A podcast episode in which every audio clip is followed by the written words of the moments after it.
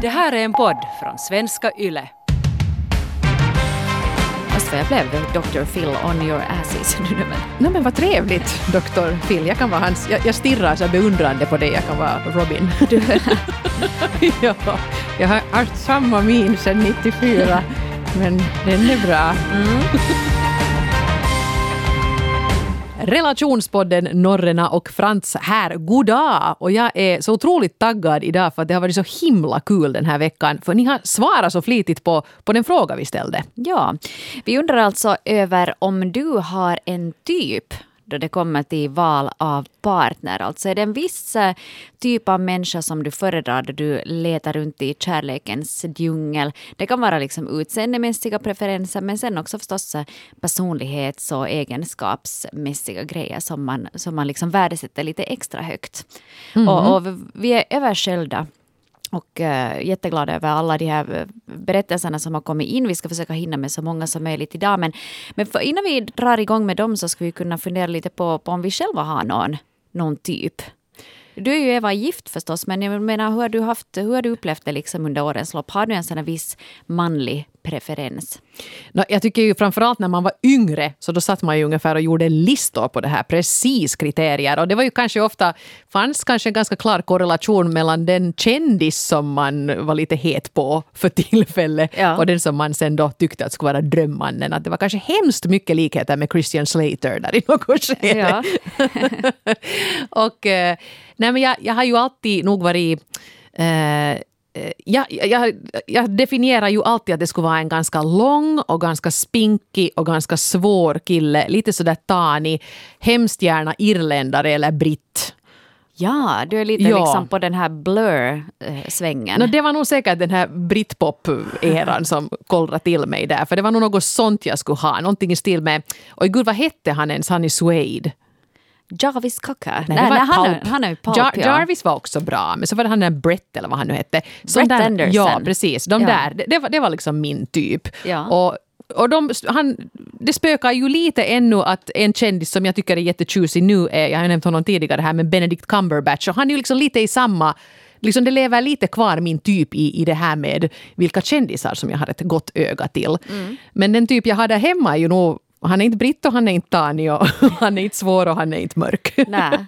Men har det ändrats det där då kanske under årens lopp? Eh, Eller jag menar, det är klart det där liksom, vi, vi lever ju inte i Hollywood, det här är ju inte vår verklighet så att, så att man kanske inte kan få den där exakta kopian på drömmannen liksom i sin egen armhåla. Nej. Men uh, har, det, har det liksom ändrat tycker du med åren då?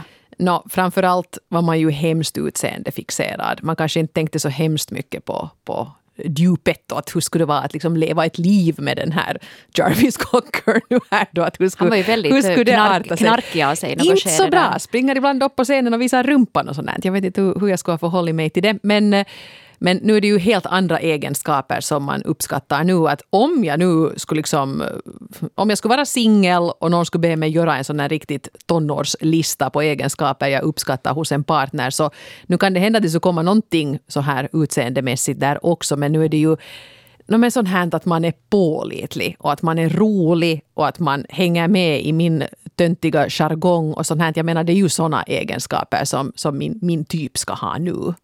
Men du, jag menar, du, du, du kan ju sitta och säga att, att yta är en sak och, och att jag uppskattar det inre, men jag vet ju precis vad din typ är. Ja. Ja. Ska, nu kör vi. Han ska vara minst 1,80 och så ska han vara mörk och så ska han ha skägg och han ska se lite ut som eh, Dressman-reklamkillarna. Ja. Där var, där var han. Där var han ungefär, ja. ja. Um, ja, ja det är nog, jag måste säga att det, är nog, det, har, det har inte alltid kanske varit så, men det är nog min karasmak måste jag nog säga. Sen är det ju det där att inte behöver, är det är han nu mörk eller ljus så det är ju sen sådana här grejer som, som vet du inte, inte på det sättet innebär så mycket. Men det här med längden, det kan jag faktiskt inte kompromissa med. Det, det går liksom inte. Ja, ja. No. Att det, det, det behöver bara finnas liksom lite längd där. Och jag tror att det här liksom har någonting att göra vet du, med det här mitt inre tjocka barn som jag har inom mig från då jag var liten. Just det. Att jag vill på något vis känna mig mindre i förhållande till den där mannen. Och där kanske just speciellt det där med längden gör någonting. vet du, att man får känna sig lite liten i jämförelse med den där mannen. Det där kan jag faktiskt lite relatera till. För jag var ju tidigare tillsammans med en kille som var precis lika lång som jag och också vägde ungefär på, på grammet lika mycket som jag. Och då kände jag mig alltid hemskt stor. För jag är Ja. speciellt stor, men jag kände mig liksom stor och otymplig. Och jag minns att, att jag, det var nog inte det att Jonas var längre än jag som, som var det jag fastnade för, men att när vi, jag sen blev ihop med honom istället, så det var ganska, det var lite sådär att att jag, jag vägde lite mindre på den tiden, men jag kunde ändå tänka mig det där att han, vi kan göra en Scarlett och Rhett om vi har filis, att han ska, skulle kunna bära mig mot solnedgången Ja. om det skulle behövas. Och det skulle, tror jag inte riktigt nu, jag, förlåt nu till mitt kära ex som jag bara har vänliga tankar om, jag tror inte att han skulle ha orkat. Nej, han skulle behöva, behöva liksom göra lite fler armhävningar före det skulle ha hänt. Ja, precis. Men det där att man, man vill ju man säger, definiera sin typ i relation till en själv. Uh, ja, Ja. Jag, kan, jag, jag kan bra förstå det där. Där kan jag förstå liksom det här liksom att någon, någon ska vara sådär reslig och jag menar det här är ju biologiskt också. Det här är ju vet du, äldre än vet du, mänskligheten. Det här liksom med att, att kvinnor ofta vill ha någon som kan beskydda dem. Och vet du, där kanske till exempel att du är fysiskt större så, så signalerar ju någonting sånt. Så så primitiva är vi Så när det kommer till kritan. Ja. Mm, ja, men det är ju också, jag menar, fadern till dina barn är ju mörk och, och, och, Och lång och skäggig. och ser bra ut i en kostym. Så att det var... Ja, ja, det är nog någonting där. Och sen är det nog något med, med liksom, vet du, om man nu ska vara på det här utseendemässiga spåret, givetvis så är det eg- egenskaperna som är ändå avgörande. Uh, men nu är det där någonting också med hur man klär sig. Jag har liksom en förkärlek vet du, lite för den här svenska looken. Vad är den svenska Den lycken? svenska looken är just att du har ett par liksom snygga jeans som är kanske lite hängiga och du har ett par helt snygga trainers på dig och, och, och vet du, att du ser liksom lite sådär slipad ut och samtidigt kan du vara lite sådär rough around the edges. Just det. Så, så det här, ja, den svenska stilen, jag tror jag förstår vad du menar. Man är så där, man, man har gjort väldigt bra val med kläder och stil och sånt, men man får ändå det att verka lite effortless. Jo, jo, det ser sådär avslappnat ut ändå. Just det, just Men det. inte vet jag annars liksom egenskapsmässigt så, så tycker jag nog jag uppskattar väldigt mycket liksom att någon är, någon är snabb i hjärnan, att de är smarta och roliga. Det är nog jätte, jätteviktigt. Och sen är självsäkerhet någonting som jag verkligen uppskattar hos en man. Jag har väldigt svårt med hundvalpar. Vet du de här som blir så här, ja men vad du vill och hur du vill och vad, vet du sådana som vet du, på något vis inte har en egen vilja och inte står för någonting och, och far lite som en, vet du, ett löv för vinden. Så, så jag, jag uppskattar liksom en sån här självsäkerhet som inte behöver vara då att man är liksom självgod eller arrogant. Men Eller besserwisser. Ja, besserwisser, det är ju hemskt sådär. Men, men liksom en sund självkänsla så att man inte behöver lyfta upp den där personen hela tiden. Och vet så att nej, nej, du är nog bra och, och, och så här. Så, så det, det uppskattar jag.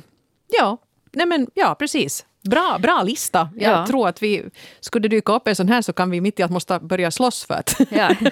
Du är gift Eva, jag har första ching på den personen. Ja, ja, och kanske, kanske någon, de här riktigt taniga så vill du inte ha, så då Nej, jag kan vill jag ta dem. dem. Jag vill inte ha dem. Inte. Uh, men, men alltså det är många av er som, har- som har skrivit in som sagt och väldigt många eh, kvinnor speciellt så lyfter ju fram det här med eh, egenskaper och hurudana de här mm, liksom, egenskaperna ska vara.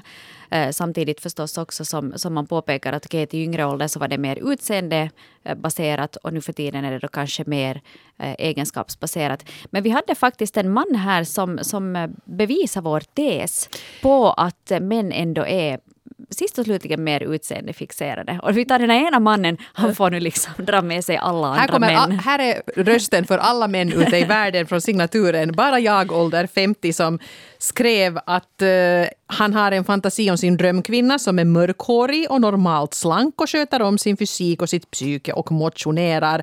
Eh, han skrev också ganska så här specifikt om det skulle vara eh, B-kupa, byst, inte för stor, inte för hängig och att rumpan skulle vara formad på något specifikt sätt.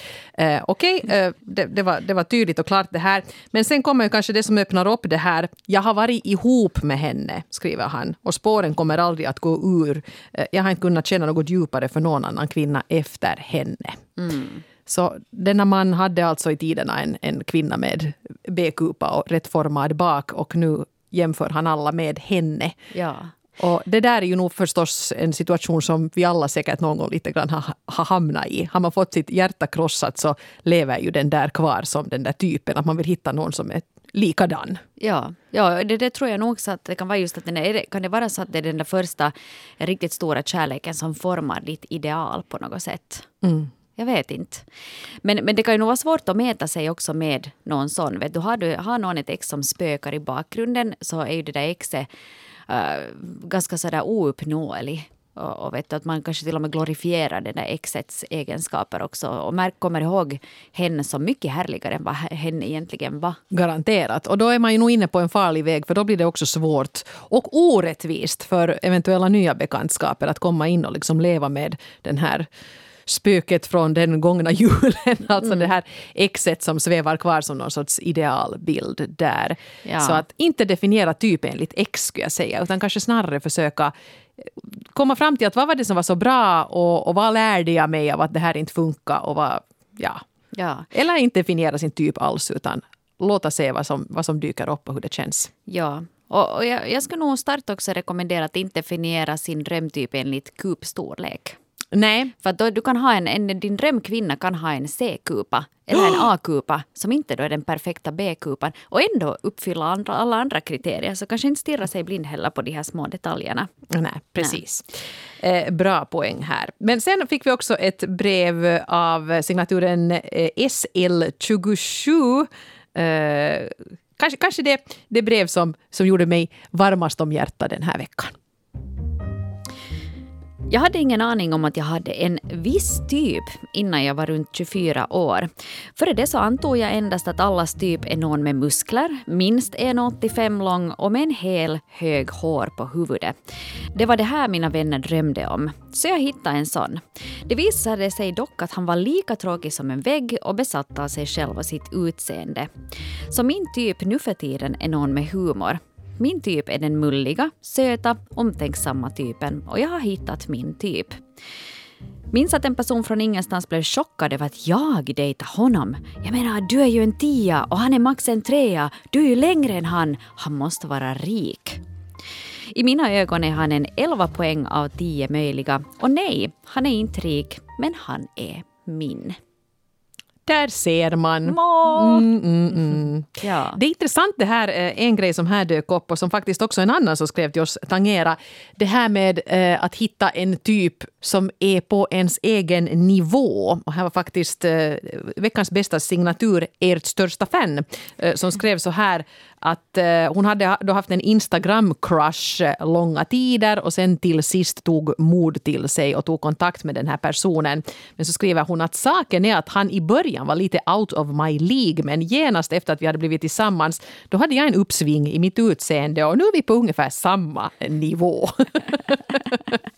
hade en uppsving i mitt ja. utseende. Det vill säga man hade de där tre månaderna då man gick till gymmet och lite höll igen. Ja, ja, ja. Nu fick jag den här grymt heta karln på, på kroken. Nu måste jag lite anstränga mig. Här. Ja, ja och, och det, är ju, det är ju också fint. Men det där är ju nog en bra poäng att inte skulle jag liksom någonsin, jag kanske nu skojar om att åh min typ är Brad Pitt, men inte hade jag någonsin tänkt att jag skulle bli liksom ihop med Brad Pitt, utan man tänkte att det kanske skulle vara något lite åt det hållet, men så här mm. på min nivå. ja, men det är konstigt det där med, med, med nivå, eller vet du att man spelar i en viss liga, det brukar ju säga så här att, att du... Är du en tia eller en sjua eller en, en ja. femma? Och jag har faktiskt hört att eh, en viss eh, väldigt populär eh, datingapplikation också har ett sån här rankingsystem i sina algoritmer. Hui. Som, som alltså då rankar människor enligt att vet du, åttorna får träffa åttor och sexorna får träffa sexor. Och, och, sen liksom de här sanna tiopoängarna, de här perfekta varelserna får då sen träffa varandra. Då utesluter man helt för det här romantisk komediscenariet, du vet high school-filmerna ja. där, där den snygga sportkillen faller för den nördiga konsttjejen. För bara hon tar av sig glasögonen så inser ju alla att hon är jättevacker mycket. Ja, det tar man ju lite bort där. Ja, därför stör det appen, det, det scenariet. Men nu, har, nu tycker jag man har märkt av sådana grejer också som, som, vad heter det, som den här signaturen SL27 skrev om att, att bekanta sen liksom förfasa sig att hur kan du vara ihop med honom? Att du, du skulle liksom nog säkert få en mycket snyggare typ. Ja. Fast eh, hon då upplever att den här, eh, hennes typ är, då, är, den ultimata. En fullträff. Ja, ja, no det, det angår ju nu faktiskt inte någon annan. Och om de här två är överens om att de har hittat precis rätt så är det ju ljuvligt. Men jag tycker det är lite svårt det där ibland om man upplever sig själv att vara vara liksom att man spelar i en lite högre liga än vad man egentligen hör till. Att man har fått ett gästspel i den högre divisionen. Mm. Och så är man där då och man lite hoppas bara att man inte ska bli avslöjad. Du gör allt vad du kan för att inte bli ärtappad med hur du egentligen ser ut. Och det är också svårt nu med sociala medier när alla hinner lägga på lite filter och sådär så att alla kan ju se ganska snygga ut på sin profilbild. Ja. Uh, medan, medan sen sanningen kanske blir en besvikelse när man väl träffas. Och det är ju hemskt. Ja, jag ser nog inte ut i verkligheten som jag ser ut på mina profilbilder. Joho. Det är helt klart. Joho. Nej. Joho. ja, men, men det är lite svårt det där med, med, med ligor och vem man egentligen vågar, vågar chansa på. Men där tycker jag att det är fint med den här hon som hade den här Instagram-crushen. Att hon vågar Mm. Uh, göra det där våga ta den där chansen. För att sen att man kanske tänker ibland också att nej, men den där är nog helt ouppnåelig och jag skulle aldrig ha en chans på den där. Men sen kanske det visar sig att, att man har hur mycket chans som helst och nu skulle de flytta ihop och hela köret. Ja, och hur ofta har man inte sett fruktansvärt vackra män som är, eh, fruktansvärt vackra kvinnor som är ihop med ganska mediokra män och då blir just den här misstanken att han måste ju ha något annat, att han måste ju vara rik eller någonting. Då. Mm vi måste kanske komma lite ifrån det där. Jag menar någonting där, själarnas sympati har uppstått och det här ytliga, det är ju det som vi som står bredvid för, främst kan liksom ta fasta på. Men kanske bara lita på det där att, ja, att de där är liksom på riktigt nu som gjorda för varandra fast de inte utseendemässigt är i synk. Mm. Eller sen så är det helt enkelt en ekonomisk överenskommelse. Och om man vill erbjuda Hanna en sån så är e-postadressen hanna.norrena.yle.fi. Nej, jag behöver ingen ekonomisk överenskommelse. Jag har tillräckligt mycket fyrk så jag klarar mig. Alltså, så jag alltså- börjar nog inte vet du, sälja reve här för pengar. Så, så, så, så lågt har jag inte ännu sjunkit. Sorry nu bara. Men om du har skägg och är ja. över 1,85 så kan du nog sälja lite. Ja, det kan hända. Lite ja. ja. Vi får se, vi får se. Man får ta det, ta det som det kommer helt enkelt. Vill du att vi går vidare? Vidare, väldigt gärna. Ja. Eh, jo, eh, signaturen K26, också här en bra poäng. Eh, lång, mörkhårig och romantisk, det var min typ i tonåren. Och nu har jag i åtta år sällskapat med en kort silverblond och väldigt praktisk man och jag kunde inte vara lyckligare. Men ögat dras nog fortfarande till de där långa och mörkhåriga för lite ögongodis mår vi alla bra av ibland. Råkar också veta att jag inte heller utseendemässigt är det som min partner tänkte sig i tonåren. Och det är okej. Okay. Utseende är väldigt sekundärt i ett bra förhållande. Mm. Men jag, jag, jag, håller nog fast vid det här att för att komma till ett förhållande så måste det ändå finnas en fysisk attraktion. Du tror det? Jag tror det. Mm, men, men, jag vet, men jag vet också att det finns många sådana som har till exempel sen blivit kära i sina kompisar eller att man är först vänner och på det sättet lär känna varandra. Jo, och sen, sen liksom fördjupna det i någonting annat. Så jag vet att jag, det finns lite två olika skolor där. Vissa tycker att det är liksom den där fysiska attraktionen som ska finnas för att det ska finnas ett intresse för att utveckla något mera. Medan mm. andra då säger att liksom en, en eh, djup förståelse för varandra och en, en god vänskap eh, kan då sen utmynna i också då någonting mera. Så att jag, båda skolorna tror jag att är helt lika sanna. Men är det inte ändå kanske lite, det har väl lite att göra med formatet på det här dejtande också. Att om du träffas på nätet till exempel så nu är det ju liksom lättast då att göra en gallring så att de där som nu på något sätt klickar utseendemässigt är de som går vidare till nästa omgång. Men däremot om det är en kollega eller en bekants bekant, någon som du liksom träffar naturligt annars också eh, utan att den där pressen på att ska vi eller ska vi inte finns där och du kanske börjar inse att oho, att jag har ju faktiskt inte märkt att han har så där snygga armar tidigare. Mm. Så då kan det ju hända att det liksom växer fram. Ja, det kan det ju också göra med människor som inte alls egentligen faller inom den där eh, ens vanliga typ. Den som du kanske tittar efter då du går ute på stan och bara liksom tittar på främlingar överlag. Mm. Nej. Men det här med att, att uh, skapa hjärtesorg åt sig uh, genom att kanske falla för fel typ. Det jo. har vi också fått brev angående. Och signaturen Krånglig och redan 30 skriver så här. Jag hade ett ganska klart mönster i mitt datingliv om killen gillar mig och ville ha ett förhållande så slutade jag nästan direkt att gilla honom. Om killen förväntade sig ett förhållande så kände jag press och jag upplevde att jag direkt måste bestämma mig för om jag ville spendera resten av livet med honom. Men om han uttryckte att han inte vill ha något seriöst, då blev jag såklart dödskär i honom. Och det här ledde till många relationer där jag blev väldigt olycklig. Precis. Hon fortsätter också genom att berätta att hon faktiskt sen på, på äldre dagar, jag får säga 30 år, då är man redan på äldre dagar, har mm. hittat eh, en som stämmer på alla plan och det har, det har börjat fungera, datinglivet igen. Men jag menar det här, det här känns också lite begant på något sätt, att man definierar sin, eller man plötsligt inser att min typ har blivit den som inte vill ha mig. Ja. Eller där kanske också det handlar lite om det där med ligan, vet du, att du, du ditt det ideal är någon som du inte kan få. Mm. Eller de som är, ser ut så kanske har en annan liga att välja bland. Och de väljer inte dig. Att du är lite som den där fula ankungen som, som inte aldrig utvecklas till en svan. Är det inte det här som det här The Game också byggde på? Den här vad, äckliga vad boken som en massa karlar läste då i något skede. Som hur man ska få kvinnor. Man skulle behandla dem riktigt, riktigt asigt. Ja. Liksom vara lite härlig först så att man fick dem på kroken och så skulle man dissa, dissa, dissa, dissa för då kom de liksom tillbaka. Jag har inte läst den här boken, det här är liksom inte direkta citat men jag tror att det här är det som den ungefär gick ut på. Ja. Uh, och hon har ju då fallit i just den fällan att de som inte vill ha henne men har fått henne på kroken. De vill hon ha. Medan däremot någon kanske som dök upp och var så där väldigt på och intresserad och uppvaktade och hade sig så blev man så men hur desperat är du? Ja. Bort. Ja, men det där, det där måste jag nog... Jag tycker det, det låter klinga lite sådär obehagligt bekant. Det där faktiskt. Mm.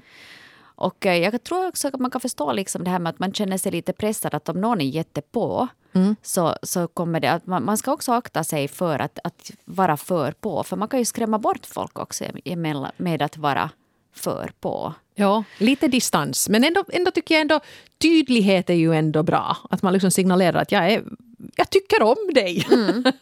Ja. att man ändå gör det klart. Ja. Och jag tycker om dig och det ska vara roligt att, att hänga med dig. Men kanske inte så hemskt mycket mer än det där i den där första fasen. Nej, och det här verkar ju vara också lite, eh, den här signaturen krångligare än 30 verkar ju ha en eh, fäbless för bad boys. Mm. Och, och eller har haft. Eller hon, har, haft. hon har arbetat bort den. Good arbet, for her. Ja, det är bra att hon blev av med den. Men liksom alla, alla vi som kan känna igen oss i det där att vi kanske tycker om de här som är lite så farliga eller lite så häftiga på något vis. Så, så det är oftast um, det, det, finns också samtidigt de här varningsflaggorna där kring det. Så att kanske man försöker lite fundera på att vad är det egentligen som gör att jag alltid vill ha någon som inte vill ha mig? Är det det att jag kanske då alltid håller det på en trygg nivå. Det vill säga att de, det är lite som tonårsflickor som är kära i sin idol. Mm. Vet du, det är tryggt att avguda någon sådär på avstånd men man vet att det kommer aldrig att bli till någonting. Så, så det är egentligen ett ganska säkert sätt att, att ha känslor för någon. För du behöver aldrig liksom riskera att, att hamna i en riktig relation. Precis. Ja. Fast vad jag blev Dr. Phil on, my, on your asses. men. Nej, men vad trevligt, Dr. Phil. Jag, kan vara hans, jag, jag stirrar så beundrande på dig. Jag kan vara Robin. Du, frugan. ja, jag har haft samma min sedan 94. Men den är bra. Mm. Vidare. Vidare. Oj, oj, oj. Vi, alltså, vi ska försöka få lite mer av de här storyna ihop i en, i en artikel så att ni får ta del av dem, för ni har skrivit fint. Men här var signaturen Kresen, 23-årig tjejen, Kresen till, som så skriver så här. Jag har diskuterat den här saken otaliga gånger med mina kompisar och varje gång kommer jag fram till samma sak. Jag framställer gärna mig själv som lite mer öppensinnad än vad jag egentligen är. Och det beror säkert på att jag skäms lite för att jag är så ytlig i mitt sökande. Men alltså, jag har en typ. Det ska vara killar med runda ansikten, glimtar, glimten i ögat och så fortfarande ha lite pojkaktighet kvar. Eh, det är viktigt att de klär sig snyggt, tar hand om sitt utseende, men inte för utseendefixerade. Och så har hon en lång lista här då. Skulle aldrig kunna dejta någon som enligt mig är för tråkig eller för vanlig. Och så skriver hon. Mina kompisar säger ofta att jag kommer end up alone för att jag bara går efter den här typen, men jag bryr mig inte. Varför ska jag dejta någon som jag inte tycker är snygg eller ens är villig att umgås med? Jag har haft relationer med folk som har varit precis min typ, så varför skulle jag nu inte då hitta en till? Hmm. Jag är, jag är helt med dig här, kräsen 23-årig tjej. Jag gissade att du skulle vara det. Fast jag är nästan 20 år äldre än dig så, så jag är helt på samma linje. Det är kanske därför jag är singel ännu. Inte nu för att vet du, vara en sån här Debbie Downer. men, men vad heter det? Ja, det som Dr. Phil brukar säga, how's that working for you? Ja, Så ja. för, för mig så funkar det ju inte så det är jätte, jätte, jättebra att stenhårt hålla mig till min typ, för de verkar inte direkt växa på träd.